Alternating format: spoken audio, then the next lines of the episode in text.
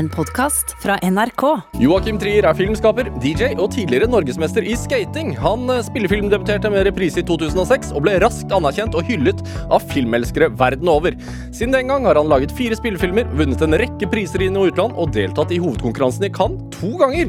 Senest med kinoaktuelle 'Verdens verste menneske', som av flere ble utropt til festivalens beste. Dette er Drivkraft med Vegard Larsen i NRK P2. Joakim Trier, velkommen til Drivkraft. Takk, Vegard. Hyggelig å være her. Hvordan har du det? vi, har, vi, har satt det. Vil du ha sannheten om hvordan jeg har det? Jeg vi, har satt, Nei, vi, har satt, vil- vi har satt en bøtte inn i studioet. Ja, faen. Vet du hva? Jeg har det egentlig bra, for nå er jeg her med deg og fokuserer og er på vei vekk fra å fokusere på kroppen min. Nei, jeg, jeg har kommet inn fra et turné. Vi vi driver promoturné av filmen. Vi har vært i New York og Frankrike og England og forskjellige steder. Og i går så endte jeg opp i Lyon. Eh, på en veldig merittert, flott festival som egentlig feirer veldig mye stumfilm. Som, heter, som er jo Lyon er jo Lumière-brødrene som fant opp filmen. Faktisk sitt hjemsted for eh, 125 år siden. Så de feirer klassisk film, men de feirer også av og til nye filmskapere. Jeg ble invitert dit, så viser det seg at jeg skulle ikke bare se film, jeg skulle spise enorme mengder med lokal mat. Og Lyon er, er jo også en mat... Altså, Det er jo det gastronomiske sentrum i Frankrike, skjønte jeg, da, der jeg satt og spiste testiklene fra sau, eh, froskelår og diverse greier. Men jeg tror jeg spiste veldig mye, og veldig mye rart. Så ikke noen forkleinelse for den fantastiske gastronomien. Jeg er jo bare en enkel gutt fra Oslo, men, eh, men jeg har, ikke, har det ikke helt bra i magen. Var det noe var det litt salat? Det var ikke ett salatblad, altså. Det var eh, kjøtt, kjøtt, kjøtt, kjøtt. Eh, Sånn er det. Så alle mine veggisvenner som hører på nå tidlig meg, nå har jeg virkelig syndet. Er det Du sier du kom hjem fra turné. Er det Hvor lenge er, altså, har, du, har du egentlig turnert siden Cannes-festivalen? Nei, det har jeg ikke. Eh, jeg har, dette er min femte film, og jeg har bestemt meg for å ta det litt roligere. Så jeg drar inn og ut av steder ganske raskt.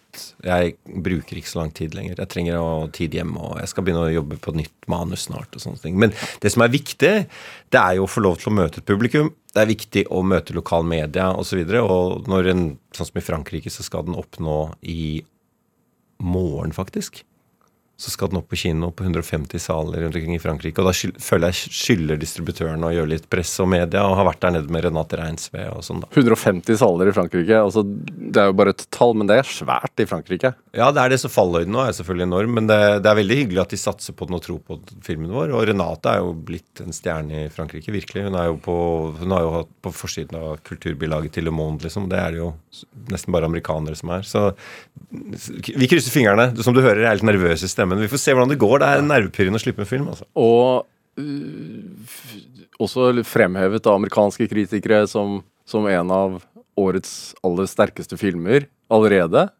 Uh, Oscar-racet så blir den snakket om allerede. Ja. Er det deilig? Ja, det, man får liksom forventningspress. Men for å være helt ærlig, og alt det der er kjempegøy.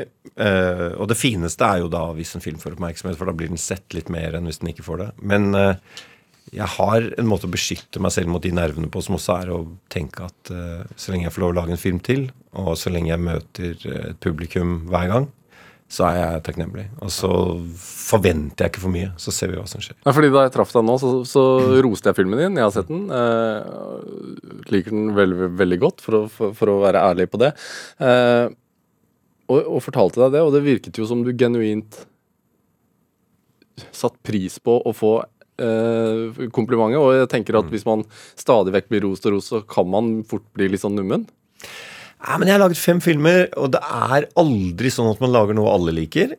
Og man merker også litt forskjell på den høflige sånn Ja, den var fin, og en mer sånn genuin Nå skal jeg ikke dra deg for mye inn i dette personlig, men du delte jo en del ting med meg om hvordan du hadde opplevd å se den, og, Ja. og sånne ting. Og det virker som du hadde satt pris på den sånn helt konkret i forhold til din egen livserfaring.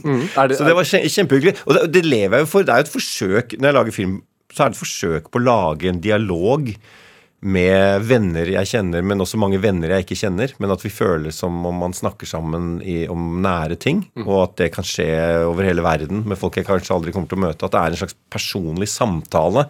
Det er den måten jeg tenker på det på. Altså, Jeg vet at jeg ikke alltid får svar, men så skjer det av og til at man får et svar. Da, at noen sier tilbake at dette er betydd noe. Og det er fint. Hvordan er du mot deg selv? Er du en hard kritiker? Eh, ja, det er jo da, apropos dagens tema, en drivkraft òg, da. Det kan vi gå litt inn i. Men det er, det er klart det. Man eh, føler jo aldri at man får til uh, ting som er sånn så perfekt som man ønsker. Men nå har jeg lært meg hva Anders Danielsen Lie, som er en egentlig per definisjon veldig perfeksjonist, han sa det er viktig en sånn distinksjon mellom perfeksjonisme og optimalisme.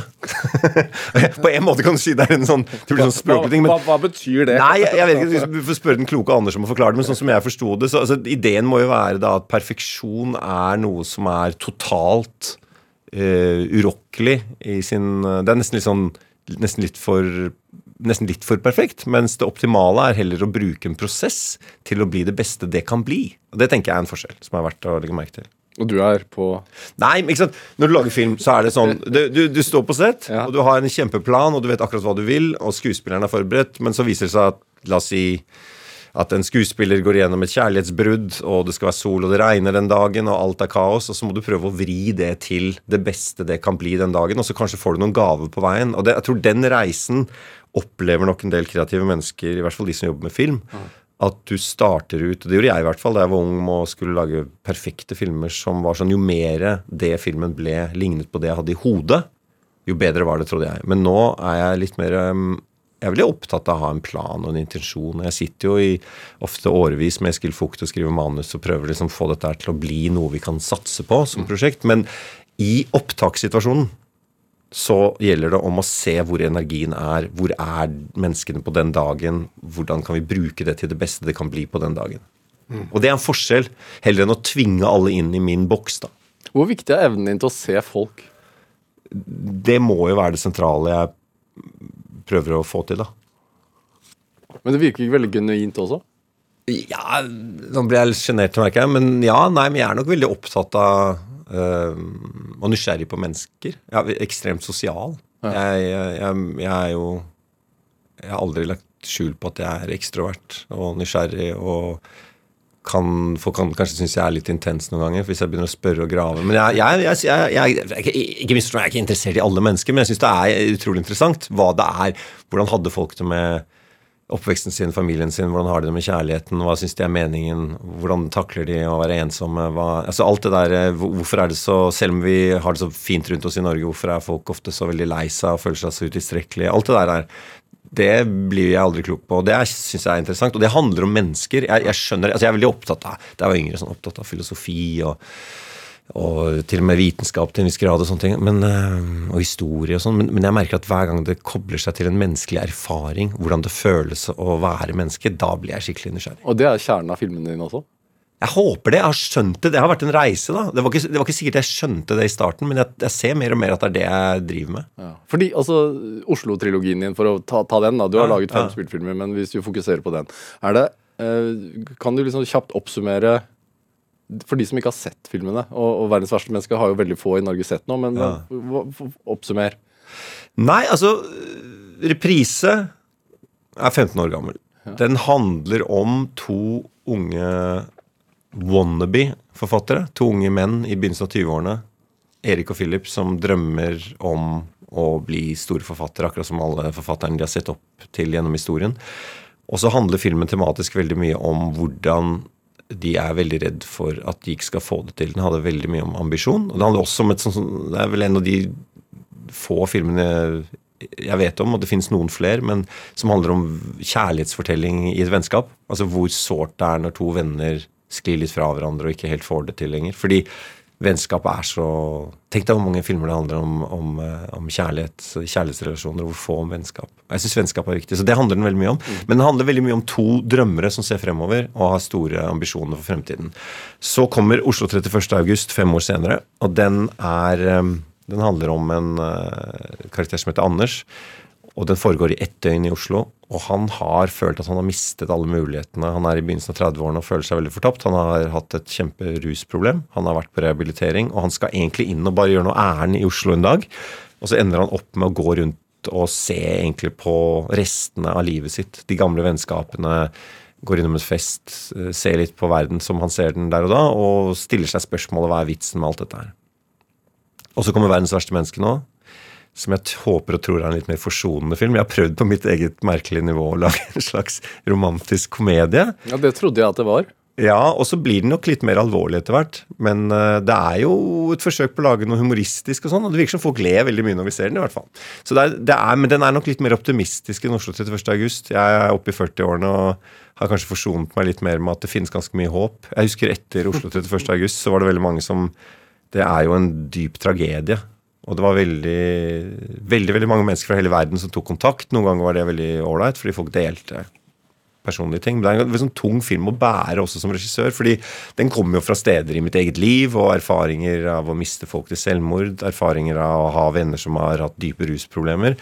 Men også en erkjennelse av at jeg alltid bruker noe av meg selv, som noen ganger er litt sånn uklart før jeg egentlig er i gang med det, eh, i en karakter. da, Kanskje en følelse av usikkerhet for fremtiden og en, en form for sånn erkjennelse av en viss ensomhet, kanskje, på det tidspunktet i livet mitt. Og så, og så ser jeg etterpå at eh, jeg blir litt mer forsonet og kanskje litt behov for å lage noe som er, er litt mer optimistisk. Det er jo noen triste ting som skjer i 'Verdens verste menneske' òg. Hvis ikke så ville det ikke vært et dramatisk Joakim Trier-film. Ja, det kan du si, men, men samtidig så er det, det Det er en film som handler veldig mye om å prøve å forsone seg med at man ikke helt vet hvem man er, men å tåle seg selv som man er, da. Og også overgang mellom Altså det at man innser at man har steget inn i voksenverden ordentlig. Ja, og at tiden er kortere enn man tror, da. Og at det må man bruke til noe. Hvorfor er du så opptatt av tid? Det er jo det store temaet. Det ser du i all Altså det ser du i antikk eh, filosofi, det ser du i Shakespeare, det ser du i ja, altså modernismen. Du, du, du ser det i alt. Det Men hvorfor er du så Nei, hvorfor jeg er det? Nei, men faen, jeg, jeg, jeg tror Altså, det, det er vanskelig å svare på. Jeg, eh, tid henger jo sammen med erfaringen av at ting varer kort. At man, hvis man er egentlig veldig glad i livet og syns ting er ganske gøy, da, så merker man at de forsvinner, og så er det litt sorgfullt. Jeg husker som barn veldig godt at jeg var opptatt av minner. Jeg blir alltid sånn redd for å være pretensiøs når jeg snakker om det. Men da jeg var sånn fem år i barnehagen, så husker jeg veldig godt et øyeblikk hvor jeg satt på en trehjulssykkel. Og så var det mm, Så tenkte jeg Oi, dette skal jeg bestemt meg for å huske. Dette skal jeg liksom rapportere inn i hodet mitt. Dette skal bli et minne. Det er akkurat når barnet begynner å forstå at liksom Nå kan jeg huske noe. Og det øyeblikket kommer ikke til å finnes lenger, men jeg har det inni meg som en erfaring. Altså et minne. ikke sant? Og så husker jeg samtidig at jeg tenkte nå kommer jeg kanskje til å glemme noe annet. Akkurat som minner bytter seg ut med hverandre og sånn. Men ironien er det minnet i hvert fall av å sitte på en trehjulssykkel, den har jeg fortsatt. Det var ikke som en, en, en, nesten som jeg hadde filmet det inni hodet mitt. forstår du? Det er Hvordan er det som å følelsen da? Nei, men det, det er jo egentlig fantastisk. En følelse av at du har kontakt med øyeblikkene. At det ikke bare farer forbi. Og jeg tror, hvis jeg ser tilbake på livet mitt, at den erfaringen av å minnes som noe viktig, den henger sammen med det å lage film. Det å rapportere om noe. Det å filme Oslo for ti år siden, i Oslo 31. august. Det å vise en kafé som nå er nedlagt. Eh, og der satt vi, og der var vi. Og det er en felles minne. Det kan du gjøre med film, faktisk. En slags rapport fra tidens front, for å høres litt pretensiøs ut. Og det Dette er Drivkraft med Vegard Larsen i NRK P2.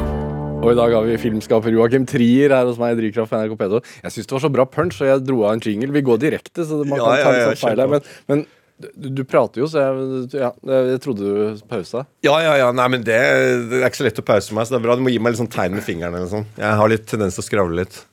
Men Fordi filmene dine er jo det. Du, du, og du, sånn, vi snakket om minner. Ja. Og du veksler mellom nåtid og fortid og Ja. drømmer. Ja. Ja, men det? Det, det verdens verste menneske for eksempel, handler veldig mye om, er jo det uforenlige mellom eh, vårt indre liv, hele fantasilivet vårt om hvem vi er, og virkeligheten som blir det faktiske livet vi lever. Det er jo også et sånt kjempestort tema. så Man må prøve å være konkret når man lager film. Man kan ikke bare lage en sånn filosofisk Men, men helt konkret her så handler det jo om eh, en ganske begavet ung kvinne, Julie, som når filmen begynner, er på medisinstudiet.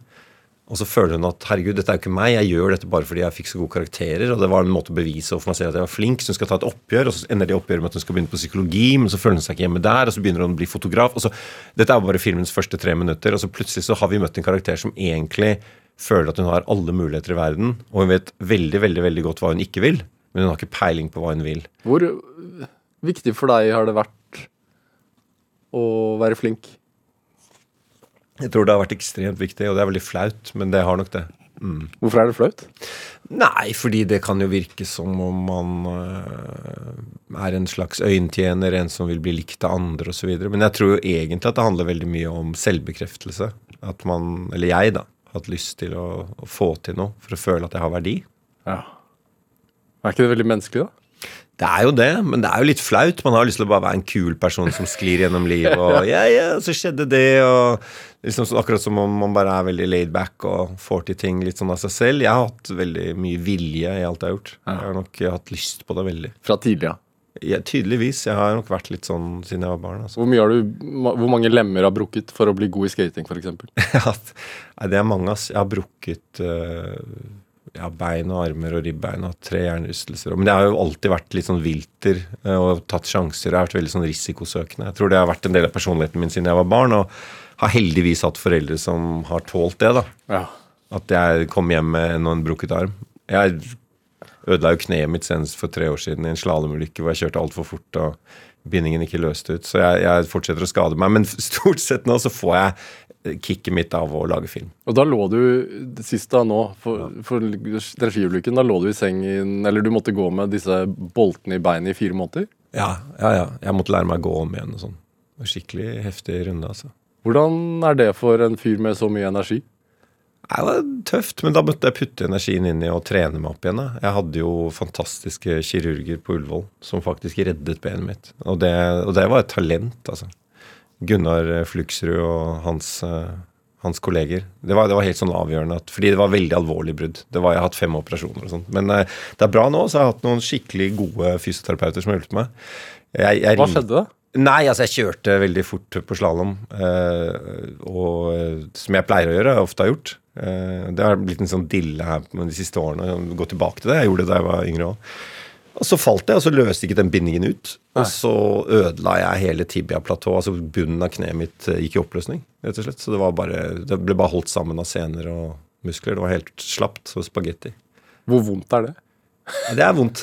Det er skikkelig vondt. Det er det. Det var veldig interessant. Jeg lå og tenkte, jeg måtte, og De tok 45 minutter før jeg ble hentet av ambulansen. For de måtte frakte meg ned fra, fra bakken. og Hvor var det? Det var i Villeløypa i Oslo. faktisk. Jeg hadde akkurat vært i Hemsedal. faktisk, alle ting. og Så skulle jeg stå en dag til, for jeg, jeg bare var inne i en bra groove med slalåm. og så falt jeg, og da um, men det er interessant, jeg, jeg trodde jeg skulle besvime, men jeg fikk liksom ikke til å besvime. Men det interessante også med smerte er at eh, at eh, du jeg tenkte, jeg husker jeg lå der, og benet mitt var helt knust og lå ut til den ene siden. Og så tenkte jeg på sånne buddhistmunker som kan puste. Og så jeg tenkte sånn, faen, jeg har aldri vært noe god i yoga, men så tenkte jeg, nå puster jeg. Nå er det pusten. Nå er det pusten. Men det som var det komiske, var at jeg begynte å ta kontroll over situasjonen. Og det var to spanske snowboardere som hjalp meg, fordi jeg lå midt i et heng. Så det kom jo folk kjørende, og det var farlig. Så jeg, jeg begynte med regi for å flykte fra følelsene. Og det er jo klassisk. Så jeg ba han ene fyren om å stå over meg og vifte med armene så ingen kjørte på oss. Og så ba jeg han andre om å holde meg sånn at jeg ikke skulle skli. For jo jeg skled nedover, så ble jo benet mitt mer og mer vridd. ikke sant? Og så når de skulle løfte meg opp i båren, og sånn, så kom det jo sånne eksperter, da, flinke folk i Villøypa som skulle ha meg ned, sånn helsepersonell. Og da begynte jeg altså sånn Ok, nå løfter vi på likt dere! Og sånn. De bare «Hysj, Nå roer du deg ned. Nå, dette tar vi oss av. Så jeg tror at jeg har et sånn enormt kontrollbehov uh, som jeg slår inn hvis jeg blir stressa. Ja. Og det er jo litt sånn regigreia, da. Når alt koker mest, så finner jeg roen. Så jeg tror det er en ting som jeg holder på med. På godt og vondt.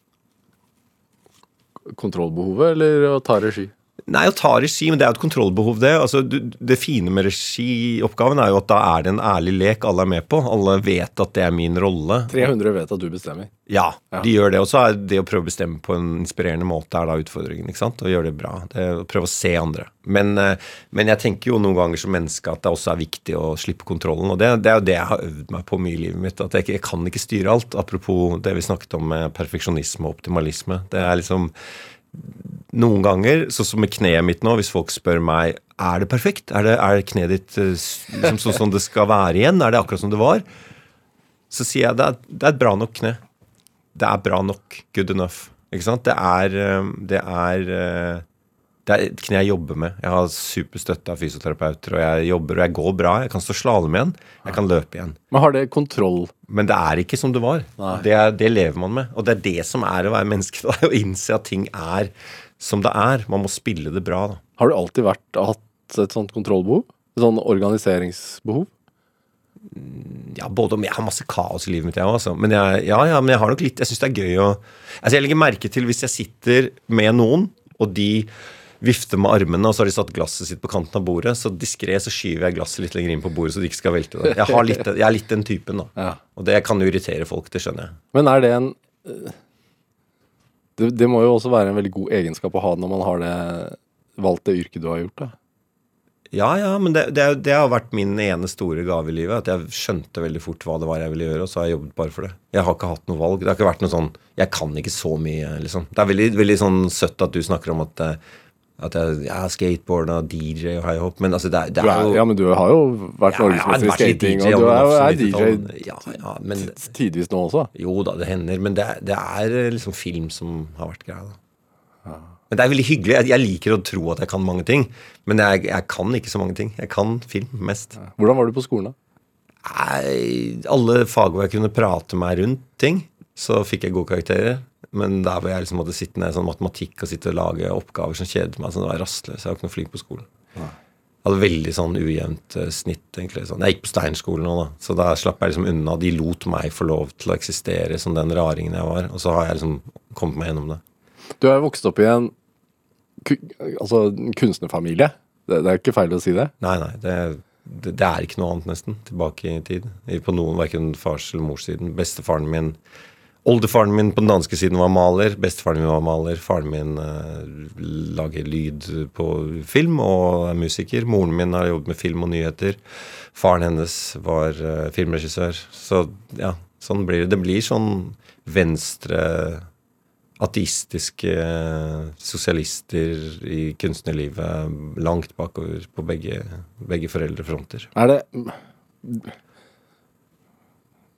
Er man født sånn, eller blir man sånn, tror du? Altså, hvordan, hvordan preget det deg? Altså, Prata dere om altså, hvor stor del av barndommen var kunst og Og kulturting og sånn. Nei, jeg jeg har vokst opp med enorm respekt for det.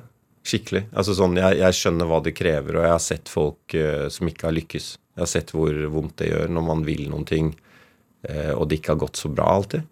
Ja. Så det, du kan si jeg, jeg er klar over at folk sikkert ser på meg som en veldig privilegert person som liksom har lært faget mitt, tror folk. Men det tror den største gaven min har basically vært å skjønne hvor komplisert det er. Så jeg har ikke vært så naiv. da. Jeg har skjønt liksom at det, å velge det livet er et offer på mange måter også. Det er ikke Hvordan, Selve håndverket mitt sånn har jeg måttet trene selv. Ja. Det, det er sånn, sånn som å si til noen at pappaen din lærte deg å sykle. Ja, men Jo da, de støtter deg, men du må jo sykle selv. Altså, det er noe du må finne ut av selv. Men å få en sykkel er selvfølgelig en fordel. Ja. Hvor, hvor tidlig begynte du å sysle med det? da? Når fikk Med du ditt første kamera? Nei, men der har vi noe greier da, ikke sant? Fordi at eh, jeg, eh, jeg var jo på filmsett som barn, og jeg fikk lov å Faren min lagde jo lyd på Flåklypa Grand Prix av Ivo Caprino. Og eh, jeg fikk lov til å se voksne mennesker som hadde det gøy på jobb. Jeg fikk lov til å være rundt mennesker som skapte ting. Jeg har sett folk få nervesammenbrudd på sett da jeg var 10-11 år. Er sånn stakkars eh, Jeg skal ikke gå inn i hvilket prosjekt det var, for å ikke utlevere regissøren, men det var en rekvisitør som fikk Hysterisk hysteriske anfall av overarbeidelse og kastet ting rundt seg og skrek. Jeg var på Hva med venner-film hvor det skjedde masse gøy. Det var altså ikke et Hva med venner-film, det siste, da. Eh, Men, men jeg har også vært på venner-film hvor jeg har sett liksom folk gjøre rare ting som var gøy, og de hadde det fint sammen som voksne og lekte, og Ivo Caprin osv. Så, videre. så jeg, så alt det der og syntes det var et liksom kult det virket som et kult liv. Um, og så tok jo faren min eh, meg til side og viste meg et Super 8-kamera da jeg var barn. Og så lagde vi animasjonsfilmer, og da skjønte jeg hvor lang tid det tok. Vi lagde liksom ett bilde og ett bilde og ett bilde, mens jeg beveget en, en legofigur bortover. Og, og så så jeg jo selv at hvis jeg stressa det og gikk for langt med legofiguren, så så det ikke ut som den gikk. Men hvis jeg var veldig tålmodig og nitidig med det, Ja. så kunne jeg lage en skikkelig fin liten film. Og det, det lærte jeg før jeg kunne skrive. altså. Da jeg var sånn skikkelig liten. Så, så, og så begynte jeg å filme og lagde skatevideoer og alt mulig rart. Og musikkvideoer med vennene mine. Og jeg har alltid filmet. Og det må jeg si ofte at jeg tenker eh, Det er veldig Det var litt spesielt. Jeg er født på, på midten av 70-tallet. Men, så det var spesielt i min generasjon, men nå er ikke det spesielt. Og det synes jeg er så fint at det er blitt så demokratisk. Det er så mange nå. Mange små barn som stikker av med foreldrenes iPhone, og istedenfor å bare spille døve spill, så tar de faktisk og filmer noe eller finner på noe. Kanskje foreldrene tar seg litt tid og viser dem. Oi, se her. Du kan, du kan filme og ta opp og vise ting til meg via dette kameraet. Og gjennom at barna forstår at de kan vise de voksne noe som de har filmet, og at det fins så tror jeg det er en veldig fundamental opplevelse for barn. Mm. Jeg har sett det skje. Jeg har gjort det selv med, med barn og vist dem. Og, liksom, og, så, og, så, tror jeg også det er ekstra viktig nå at, uh, at, barn blir lært opp til å forstå hva mediering er. Altså at du kan, vise, du kan filme noe, og så var det helt annerledes, men det kan se ut som meningen blir noe annet når du viser det til en fremmed person, for de var ikke der. Så du kan allerede begynne med sånn subtil mediekritikk og skjønne at Instagram ser glad ut, men kanskje de er triste egentlig, eller ja. at nyhetsbildet viser deg dette, men det fins en annen sannhet også. Og det, det, er jo den store, store eh, erfaringen som jeg tenker at eh, barn og unge i dag trenger. Det er å forstå hvordan bilder påvirker oss, og hvordan de skapes, og hvor, både hvor ekte de kan være, og hvor falske de kan være. Det er hele clouet. Er, er, det en ting som bekymrer deg? Uh, ja. ja. Um, den uh, den homogeniserende effekten av billedkultur som blir brukt til å bli Nå blir det litt sånn eh, eh, intellektuelt, men at bilder blir brukt transaksjonelt, altså bytteverdien av bilder. At vi bruker bilder til å selge ting hele tiden, eller til å fremme et poeng. At bilder og kunst generelt skal brukes til nytteverdi. Sånn nytteverdi som er lett oppsummerbar. Sånn se her, dette er et produkt. Eller se her, dette er et ideologisk bilde som viser hvordan vi vil at verden skal være. Hvis du lager noe som ikke er sånn som vi vil at verden skal være, så er det et dårlig bilde, og det får ikke lov å eksistere. Dette ser vi jo skje. Mm. Eh, og så tror jeg at det finnes eh, en enorm nærhet i sosiale medier, og en enorm distanse. Og hvordan vi spiller det som individer. Hvordan vi ikke bare liksom lager hashtag 'liv leverer' på de fineste øyeblikkene.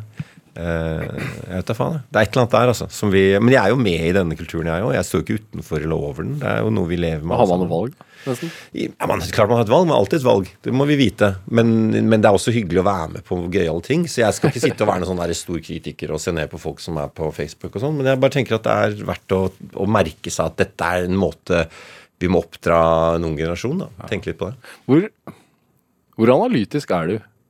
Hvor mye tenker du? hvor, hvor, analytisk er jeg? Jeg, jeg Sammenlignet med hva da? Nei, men også sånn, har, har, du alltid vært det? Har du alltid vært en tenker? Har du alltid liksom fundert på ting i en sånn et, både et lite og et stort perspektiv? Ja, men det tror jeg alle mennesker gjør, på sitt vis. Tror du ikke det? Altså, sånn I forskjellig grad, tror jeg. Ja. Men jeg har nok vært eh, opptatt av å diskutere det med andre. Jeg, jeg har, man møter jo noen ganger mennesker som overrasker på en sånn spennende måte at du, du, tenker at de er litt sånn stille og vet ikke, og så plutselig så skriver de en fantastisk bok, eller du endelig får den dype samtalen, og så åpner de seg opp, så skjønner du å herregud, her foregikk det mye mer. Jeg er nok litt mer sånn face value, og jeg prater fort om ting uh, som jeg tenker, og tillater meg det. Ja. Til uh, noens forargelse og andres aksept. Men, uh, ja. Så jeg tror det, er, det, handler også om det, da, kommunikasjonsform. Ja. Har vi respekt for kunst i Norge? Du sa at du har vokst opp i et hjem hvor det har vært voldsom respekt for kunst. Ja, dette er et ekstremt komplisert tema. Fordi ja og nei. Ja. Uh, og hvem er jeg til å si noe om det? Det er vanskelig. Jeg vil si kunstneren som en uh, figur i denne litt jantelovske kulturen er litt komplisert. Vi har ikke umiddelbart den samme tradisjonen for La meg snakke om film, da, f.eks., som Sverige og Danmark i utgangspunktet. Fordi i Danmark så har du hatt kjempebølge tidlig 1900-tall. Altså I 1912 så var Danmark det mest filmproduserende landet i verden. Eh, du hadde kjempestore stumfilmstjerner. Du har hatt eh, folkelig film som har fungert. Du har hatt store kunstnere. Man har hatt eh, Dreyer og Lars von Trier og sånn.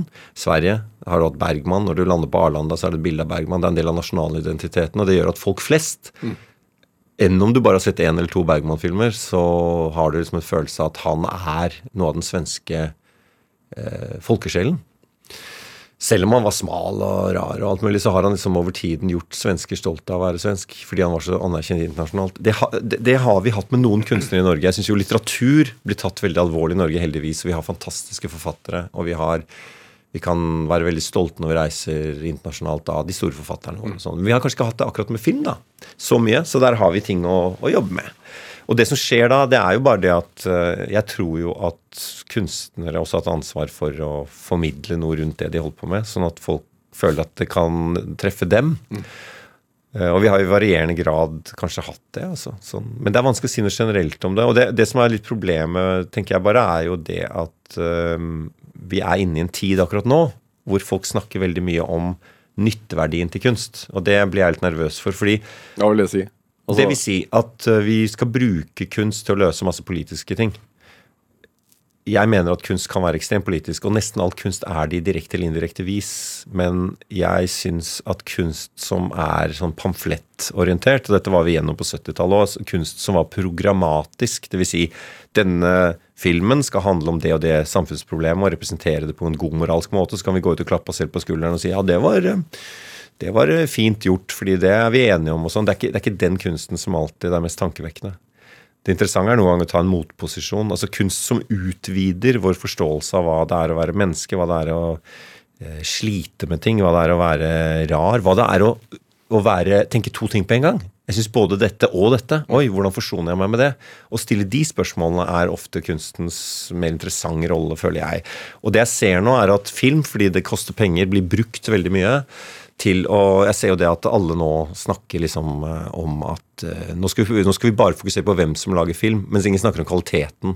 Ikke sant? Og det, det er en veldig hårfin balanse. Fordi jeg tror Jeg har alltid støttet det. Jeg har undervist på filmskole og sånn. Jeg tror vi skal være ekstremt opptatt av hvem det er som kommer inn i filmmiljøet, og at de kan komme fra mange forskjellige bakgrunner. Det er ekstremt viktig. eh, Kjønnsfordeling, etnisitet, alle disse tingene. Men samtidig så tenker jeg det er veldig viktig på toppnivået at vi anerkjenner de som kan det, og at de får lov til å ha lange karrierer. Fordi hovedproblemet er uansett hvor du kommer fra, så er det nesten ingen i Norge som får lov til å lage mer enn én film.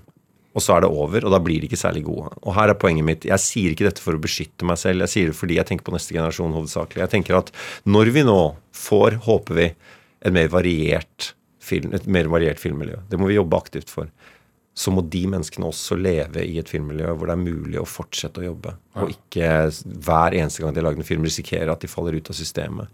Så jeg tenker at vi må ha to tanker i hodet på en gang her. Det blir mye filmpolitikk, men det er viktig. for Men la oss ikke bruke for mye tid på det heller. Det er en veldig komplisert ting. Og jeg tenker at dette kanskje ikke er stedet heller å gå Men jeg tenker det er ting vi må diskutere, fordi det er vanskelig. Joakim Trier, eh, vi skal spille litt musikk. Du, du har med en, eh, en låt som du bruker i 'Verdens verste menneske'. Ja. Uh, I Said Goodbye To Me av Harry Nilsen. En ukjent låt for mange, tror jeg? Eller kanskje ikke? Harry Nielsen er ukjent for mange. Han var um, Da, da The Beatles kom til uh, USA på slutten av 60-tallet og ble spurt hvilke amerikanske artister ser dere opp til, så sa Beatles Harry Nielsen. Han er musikernes musiker. Han er en fantastisk stemme, men han var en drukkenbolt som liksom aldri helt klarte å få karrieren til å ta av. Men det er sånn når du møter musikere, så merker du at de liksom Å, Harry Nielsen, ja, fy faen. Han var best. Han var best. Sang, altså, han skrev mange, mange, mange klassiske låter. Um, og han, og han hadde en bra stemme. Den låta jeg bruker i filmen. Jeg syns den er bare fin. Hvor bruker du den i filmen? Jeg bruker den i et av de nye kapitlene i Julies liv.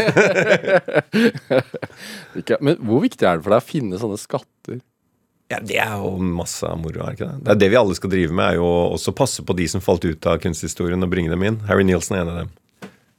I said goodbye to me. I looked in the mirror, then I began to cry.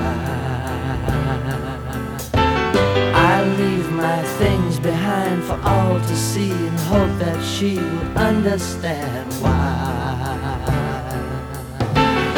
Ending the game is like changing the name of your favorite song. Step out of rhyme for the very first time, and the song is gone.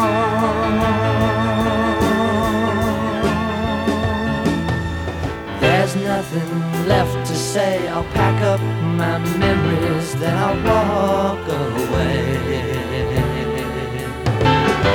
I hope I'm doing right, but by tonight the horse and coach will be on its way.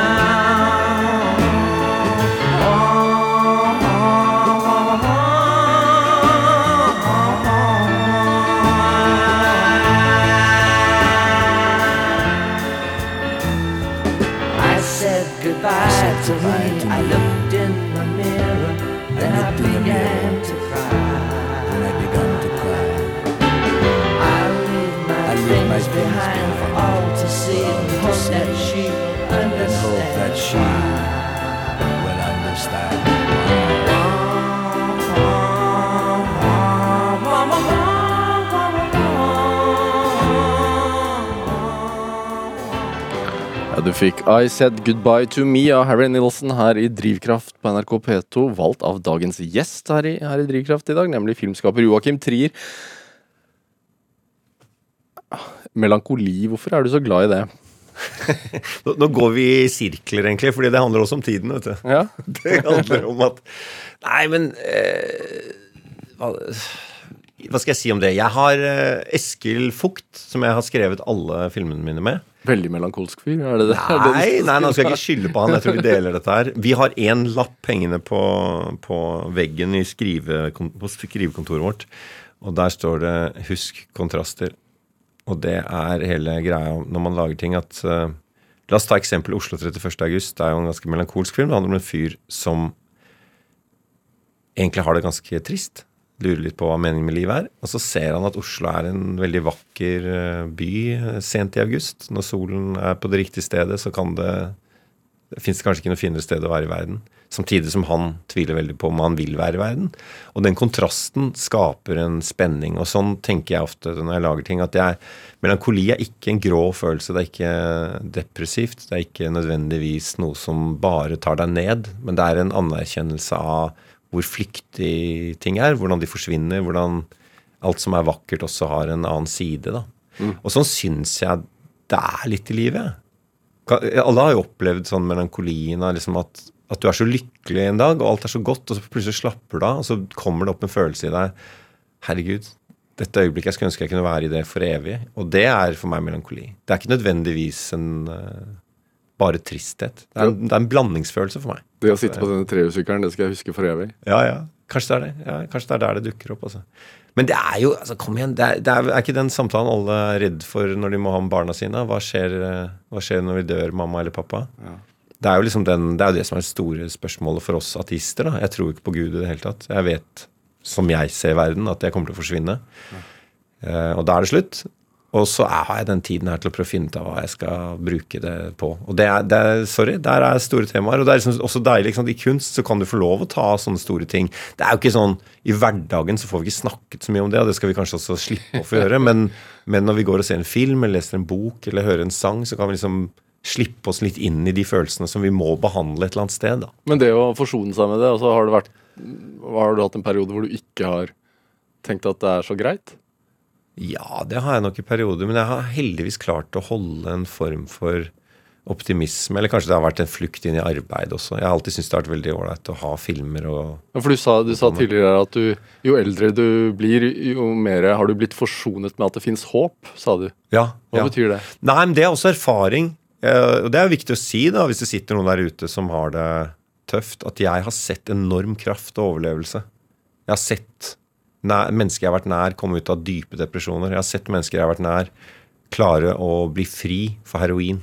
Det er noe av det vanskeligste og det mest imponerende jeg har sett. Jeg har sett dessverre en del som var flere som har gått den andre veien, men vi må huske de historiene. Det er bare viktig å ha håpfullhet. Jeg syns at vi lever i en tid hvor Det er vanskelig å si noe om tiden, for vi kjenner ikke alle de andre, men vi opplever en, en mediert virkelighet som kommer gjennom media og aviser og alt mulig, som som virker ganske dystopisk og håpløs for tiden. Og da tenker jeg også kunstnerens rolle kanskje akkurat nå er ja, vi skal vise hvor fragmentert og rart alt er. Vi skal vise hvor fortapt vi er. Men kanskje det akkurat for tiden også er litt godt, syns jeg i hvert fall, å snakke håpfullt om ting. At det, at det, finnes, det, finnes, det finnes noe godt i livet, da. Men er det også derfor at du fokuserer på ofte på relasjoner, altså to mennesker, og ikke liksom de store Altså det er ikke noe borgerkrig og sånn i filmen din? Nei, nei, nei det, det, er, det er det jeg jobber med, og jeg har masse politisk film jeg, som er mer sånn eksplisitt politisk, som jeg også setter pris på. Men jeg, jeg opplever at det stedet mange jeg kjenner, inkludert meg selv, har vært mest sårbare i en verden som er ganske saklig og fornuftig, fordi vi alle prøver å skaffe penger, og vi prøver å overleve, og vi prøver å få ting til å funke praktisk i et samfunn med veldig mange forventninger. Det stedet vi blir konfrontert med oss selv og vår egen sårbarhet, er i relasjon.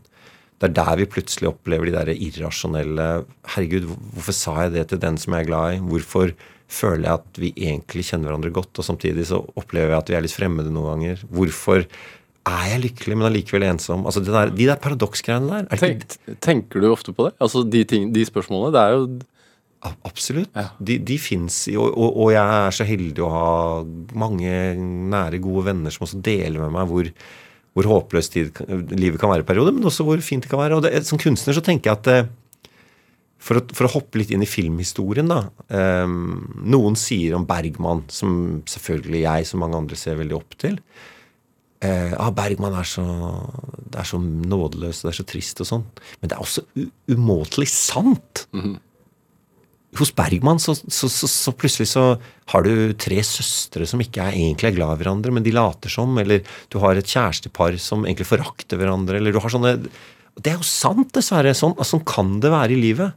Og det å snakke om det er forsonende. Jeg vet godt at vi har lyst til å liksom sette oss ned og klikke på en Netflix-serie og si bare åh, jeg bare ta meg vekk herfra, jeg har lyst til å se noe gøy. Og herregud, det gjør jeg også masse. Men av og til så trenger man et eller annet sted som tar oss på alvor. Og film er et veldig godt forsonende rom, syns jeg. I mitt liv så har det betydd veldig, veldig mye å gå inn i film og speile meg og tenke over livet mitt. da. Hva da? Hva da i mitt liv? Ja. Nei, men det skal jeg oppsummere 47 år, så det har vi ikke tid til. Nei, men herregud, masse rare greier. Altså fasene våre, hvor vi er, hvordan vi skal gjøre disse skrittene fremover hele tiden med å prøve å bli mer voksne eller mer flinke eller et eller annet rart, og så ser vi at vi ikke får det til å gå på trynet og eh, at det vi trodde skulle bli perfekt, ble bare dritt. Og, altså Sånn er jo livet. Det er jo en lang serie av rare ting. Og så, så prøver vi å forsone oss med det. Men filmene dine handler jo om øh, hva skal man si, unge voksne. Det er jo ikke det. Det er jo folk i ja, Reprise er jo det, og så er det jo folk i 30-årene. Altså, ja. I 'Verdens verste menneske' så har jeg jo faktisk noen bikarakterer som, Som er er, som er litt sånn i 40-årene. Og i 'Louder Than Bombs' Ja. er jo et familiedrama som handler veldig mye om um, en mann som er blitt hjemme fordi konen hans, uh, spilte av Isabel Huppert, er en veldig veldig flink krigsfotograf, og de er veldig enige om at det hun driver med, er skikkelig viktig. Men så ble han sittende igjen på en måte med sønnene, og de tar jo da i en litt sånn kjønnsreversert variant av et klassisk mønster, at mye av sinnet og frustrasjonen over tapet av moren, som etter hvert dør, eh, blir tatt ut på pappa, da. Er det Du eh, nærmer deg 50 år. Mhm, faktisk. Hva tenker du om det? Nei, det er helt crazy. Det?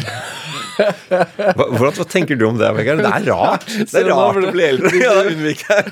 Nei, men hva skal jeg si om det? Jeg, you know, 40-årene handler jo for veldig mange, opplever jeg, eh, som også en forsoning med det der. At du er ikke lenger en kid. Liksom. Du, må, du må deale med virkeligheten. Du må deale med at ting ikke er uendelig, og sånn er det. Du har blitt pappa. Det har jeg. Hvordan øh, har det påvirket deg? Det har skjedd ganske nylig, så det er vanskelig å si på noe Det eneste jeg vet, er at det er helt fantastisk. Så jeg er veldig, veldig takknemlig. Jeg har vært et voksent menneske som eh, gikk veldig mange år av livet mitt som voksen og ikke visste om jeg kom til å få barn. Eh, av forskjellige grunner. Og, eh, og er veldig, veldig glad for å ha fått lov å oppleve det. Er det Påvirker det kunsten i noen retning, tror du? Det kommer det helt sikkert til å gjøre. Helt sikkert. Og jeg fikk jo eh, datteren min mens jeg gjorde denne filmen. Så det var veldig sterkt. Og det, det er ofte så skjønner man ikke hva man gjør mens man gjør det som kunstner. Og man skjønner det noen år etterpå. Så vi får ta en prat igjen, Vegard. Men eh, det kommer sikkert til å påvirke meg. Selvfølgelig gjør det det. Alt jeg gjør, er veldig personlig. Og det er ikke sikkert eh, det er sånn én til én. Vi må også huske at vi opererer jo kreativt på veldig sånn indirekte måter noen ganger. Noen ganger så kan jo folk ende opp med å skrive en bok om det helt motsatte av det de opplever, fordi de har en lengsel til noe annet, eller fordi de nettopp da skjønner hva de ikke lenger gjør, så de har et bedre perspektiv på fortiden. Det å, det å forandre seg er ikke Det er ikke alltid man gjør en rapport akkurat det man står oppi, fra akkurat det man står oppi. Det kan være Men du, du sa at når du, når du lager noe, så veit du ikke helt hva du gjør. Nei, Hva man, betyr det? Nei, det betyr uh, at man fomler litt i mørket. Et godt eksempel var uh, da vi laget uh, reprise. Eh, og Eskil og jeg er to bestekompiser som sitter og skriver og skriver i mange år før vi får penger til å lage den. Det tok fem-seks år fra å få laget den filmen totalt. Og, og den handler da om to venner som vil være forfattere. Og er veldig redd for at den ene er bedre enn den andre. Kanskje den ene ikke vil være venn med den andre hvis de ikke har begge har suksess. Og det er masse sånne nerver. Og så spør folk oss når vi slipper reprise for 15 år siden Ja, dette må jo være litt biografisk. Dere er jo to venner. Og så vi jo Nei, nei, nei, absolutt ikke. Og vi er dritsjenerte. Dritskamfulle. Syns det er så flaut. Og så går det noen år, og så, så ser jeg jo at nettopp det jeg er stolt av med den filmen, er at vi avslørte oss. Vi, vi viste noen dype, dype følelser rundt akkurat de temaene vi satt og var livredde for. Og derfor så tror jeg også vi klarte å aktualisere det for, forhåpentligvis for andre. Det traff, det traff en generasjon, da.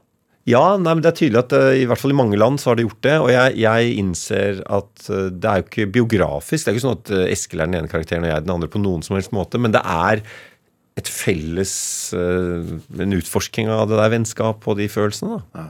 Hvor viktig er frihet for deg? Ehm, det er jo et, et stort, stort Jeg tenker sånn, altså, Du, du er jo vokst opp i Oslo og på en tid hvor skating f.eks. Var forbudt. Var, var forbudt. ja, ja. Uh, og du ble vanvittig Vi ble jo hadde du politi etter oss. Ja, ja. Og du ble vanvittig god på, til, til, til å kjøre skateboard? ja, men samtidig som en litt sånn Oslo på 80-tallet var ikke det mest spennende stedet i verden, og jeg vokste opp i en sånn trygg, ganske trygg vindelklasse-setting. Så det å ha, ha, ha snuten mot meg litt var kanskje litt bra for meg, tenker jeg. Ja, ja var, det et slags, var det et slags opprør i det? Har du hatt det i deg fra Ja, tidligere? jeg har nok, altså det jeg har vært, som skating lærte meg, det var at de voksne har ikke rett. Det var viktig når, du er 12-13 år og du skjønner at skateboard er det fineste i verden. For det er det når du skater. Det er en gave, liksom. Det er, eh, det er en fantastisk, fantastisk ting å bruke tiden sin på. Hvordan da? Hvor, Nei, da, du får all, all risiko og spenning, og du får lov å uttrykke deg på en weird måte. Jeg vil ikke påstå at det er kunst, det er veldig komplisert hva som er og ikke er kunst, og det tar for lang tid å diskutere her, men jeg vil si at skating er, føles kreativt, fordi du må finne på nye triks, og du må gjøre det på din måte, og, og du gjør det i et fellesskap med andre, så det blir sånn litt sånn Å ja, du gjør det på den måten, ja. Se her, nå gjør jeg det på min måte. Så blir det et slags språk ut av det på en eller annen måte. Veldig, veldig fin, frigjørende ting. Og så kommer da myndighetene og politiet, som vi senere har skjønt var egentlig en dum misforståelse fordi de ville forby det fra 1979 til 1989 var det forbudt i Norge å skate fordi de mente det var et farlig leketøy. Så på samme nivå som en eller annen plastdukke som tok fyr, så skulle vi beskyttes vekk fra skateboard som noe farlig, og det var helt idiotisk. Eh, Men da skjønte jeg jo det. At eh, myndighetene og de voksne og alt det der, eh, det var jo ikke De hadde ikke alltid rett. Og det er jo viktig, altså å tenke litt utenfor boksen. Man, kan, skal, man, skal være, man skal ha respekt for andre mennesker, men man må ikke være for lydig heller. Nei. Og så er det ingen lagleder som pusher. Du må pushe Nei, deg det er sant. Det er individuell uh, ting, men i et fellesskap. Ja. Og det kan du sammenligne litt med film, på en måte. Altså, jeg, jeg jobber jo med fantastiske kreative mennesker, og det er klart jeg reiser noen ganger rundt og er regissøren og sånn, men, eh, og får mye oppmerksomhet, men det er jo det er jo teamet mitt som gjør filmene. Det, det er, det er på, på grunn av dem at det blir skikkelig bra. Er du streng. Er du streng, da? Streng? Ja. kanskje bestemt. ja, men det er klart jeg må være det. Jeg må jo lede det an. Men jeg tror alle er altså, Hva skal vi si I, i det å jobbe med, med mennesker Jeg caster jo teamet mitt. Jeg jobber jo nesten bare med ekstremt ambisiøse mennesker. Og jeg merker jo fort i den, den lenken det er, at dette fellesskapet på sett Hvis du har noen som ikke helt er like ambisiøse som de andre, så blir det gnagsår. Da blir det trøbbel. Ikke sant? Det, er, det må jeg bare innrømme. Altså jeg, jeg har et eliteteam som jeg er ekstremt stolt av. Fotograf, innspillingsleder, klipper, skuespiller. Altså vi, vi, har, vi har et sinnssykt uh, sterkt team. Og det er det, er det jeg det er noe av det jeg er mest stolt av i livet mitt, er å få lov å jobbe med dem. Og det å prøve å få dem til å gjøre det beste de kan på den filmen vi lager sammen. Og prøve å, å se dem, prøve å skjønne hvordan i all verden får jeg denne personen til å gå enda lenger. Sånn som med skuespillerne, for eksempel. Da, å få eh, Anders nå, Anders Danielsen Lie, som jeg har enorm respekt for. Vi har jobbet på tre filmer sammen. Og vi, han ser på meg når han har lest manus og sånn. Han sier dette er veldig bra, men nå vil jeg gjøre min beste rolle, sier han. Jeg har lyst til det. Og det er jo ikke fordi det er noe sport, men det er fordi han har lyst til å vokse som kunstner. Han har lyst til å gå enda dypere, han har lyst til å ta enda mer risiko. Være enda mer fri foran kamera. Og da prøver vi å legge opp et løp for det. Og jeg syns han gjør noe av sitt aller beste arbeid her. Hvordan oppmuntrer du riktig, da? Ja, det er vel å prøve å se dem. Noen folk eh, liker prestasjonsangst, men så trenger de akkurat på riktig tidspunkt å bli støttet. Og klare å gi litt faen, og gi slipp, og si OK, nå er vi her. Nå ser vi hva som skjer. Altså sånn, eller, eller for eksempel, jeg sitter jo ved siden av kameraet når jeg regisserer og ser på skuespillerne, og prøver å nulle ut tankene mine sånn at jeg skal føle hva de føler.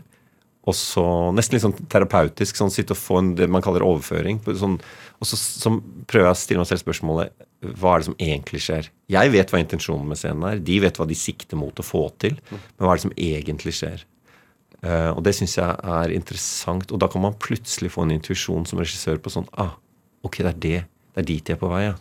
Og da kan man plutselig si bare sånn Det høres litt corny ut, men man kan si sånn Bare si det nå.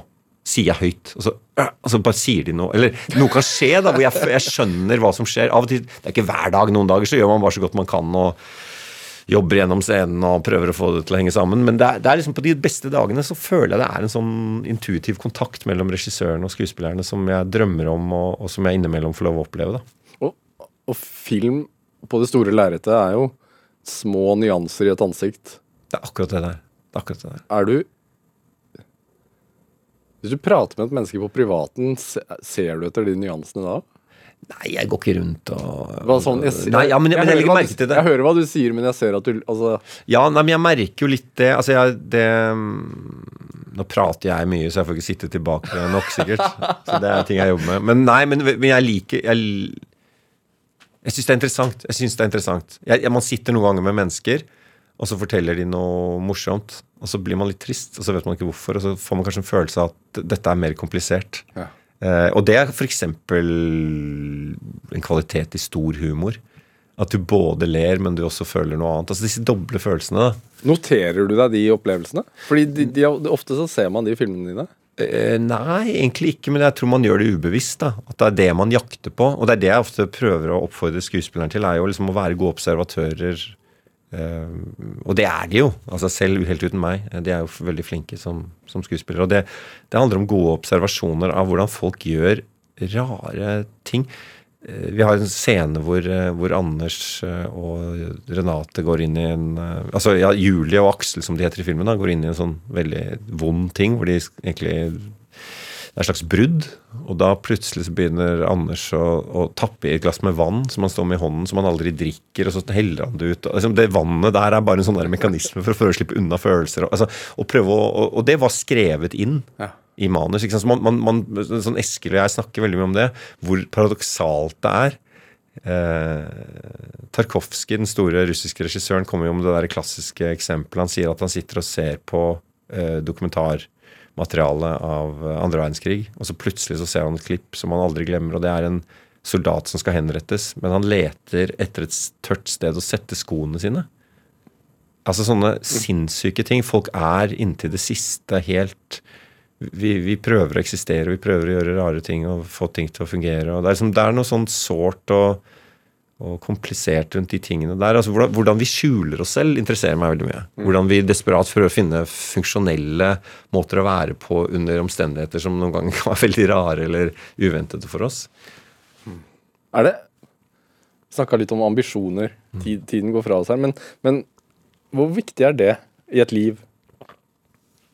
Viktig, altså jeg vet ikke, jeg vet ikke om det er viktig altså For meg har det vært viktig. Jeg vet ikke om det er noe jeg vil ønske for alle. Det er fint i en verden at ikke alle er like ambisiøse. Det, er- det er også vanskelig ord på norsk, for det er betent. Når du sier 'jeg er ambisiøs', så kan det lett virke litt sånn opportunistisk. Ja, som om jeg skal ha noe mer enn de andre, eller noe sånt. Men, men det handler jo egentlig bare om at jeg har desperat hatt lyst til å få lov til å være filmregissør. Jeg tenkte jo da jeg var i slutten av tenårene og skjønte at jeg ville bli det, at jeg kunne bli det. Altså Jeg hadde alltid filmet, men oi, jeg, det er det som er livet mitt, ja. Shit, hvordan får jeg til å gjøre det til en jobb og få disse pengene til å lage det? Og så satt jeg Jeg var filmnerd, ikke sant. Jeg, så satt jeg og telte gjennom på det tidspunktet, dette var jo på begynnelsen av 90-tallet. Og så tenkte jeg hvor mange mennesker er det på jordkloden? På det tidspunktet tror jeg det var registrert liksom syv milliarder mennesker. Hvor mange er det som jobber så fritt kunstnerisk med et ordentlig budsjett?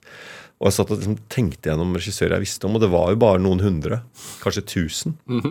Som til enhver tid jobber jevnt, har en karriere over hele verden og jobber fritt kunstnerisk med Final Cut og alt det der.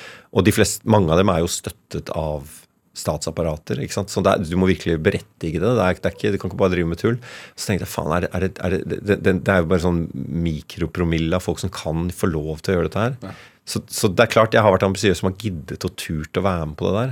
Jeg, jeg får sånn sjokk noen ganger når jeg hører sånn berettigede sånn Folk sier sånn ja, ja, nå er det min tur til å lage spillefilm og sånn. Så tenker jeg sånn ok, men Ok, ja, det, det, det er bra. Det, jeg, jeg liker det, men da, du må være klar over liksom, valget du tar. da. Hvor mange, hvor mange promille ender opp i hovedkonkurransen i Canada?